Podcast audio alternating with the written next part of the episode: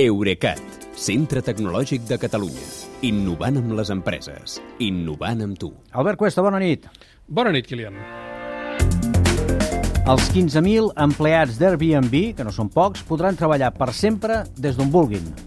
La plataforma de lloguers d'habitatges turístics ha comunicat a la seva plantilla que a partir d'ara podran triar si volen fer feina a casa, des, uh, a l'oficina o des d'una casa llogada a les Quimbambes. Mm. Uh, moltíssimes empreses de tecnologia van haver d'adoptar el teletreball per culpa de la pandèmia, però la majoria ja els estan dient als empleats que han de tornar al despatx, ni que sigui uns dies a la setmana.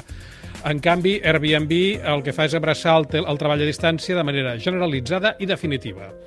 Això sí, eh, sigui quin sigui el lloc que l'empleat triï, haurà de respectar algunes regles. Una és l'obligació de trobar-se periòdicament en persona amb els altres membres del seu equip, allà on vulguin, això sí, i generalment durant una setmana cada trimestre.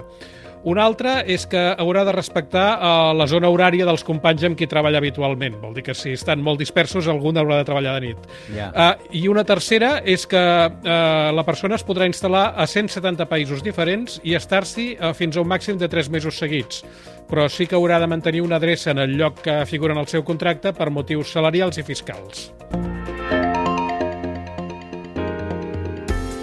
Diríem que aquí és on hi ha la gran diferència amb altres polítiques de teletreball, eh? Uh, doncs sí, perquè Airbnb s'ha compromès a mantenir el sou de l'empleat visqui on visqui sempre que sigui dins del mateix país. D'aquesta manera, si a més de viure més tranquil vols treure-li més suc al teu salari, podràs marxar de la ciutat on la vida és més cara i instal·lar-te en un racó de món on les coses et sortin més barates. Uh, només hauràs de comprovar que tinguis una connexió de prou qualitat.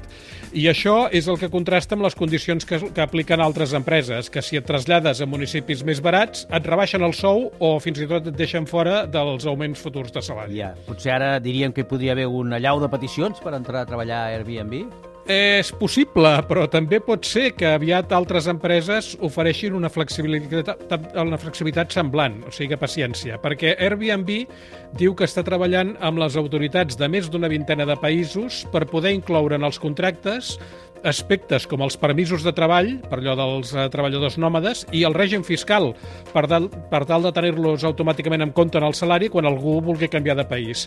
I el més interessant, i aquí és on ve allò que deia del sistema operatiu del Sí. teletreball, eh, és que eh, Airbnb preveu que aquesta plataforma de mobilitat laboral acabi sent de codi obert amb les dades eh, nacionals estatals corresponents eh, perquè altres empreses també la puguin fer servir. Sobre això, la veritat és que no han donat més detalls, però em sembla que s'haurà de seguir de I prop. escolta'm una cosa, Albert, per què a Airbnb li interessa experimentar amb això del teletreball permanent?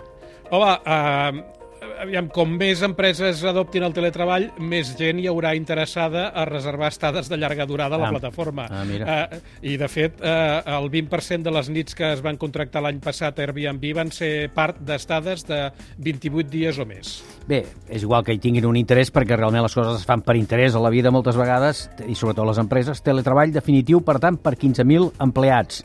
Això és tot un experiment social Eh, jo crec que sí, i eh, suposo que ens sentirem a parlar. I en parlarem. Gràcies i fins demà, que vagi bé. Bona nit, Kilian.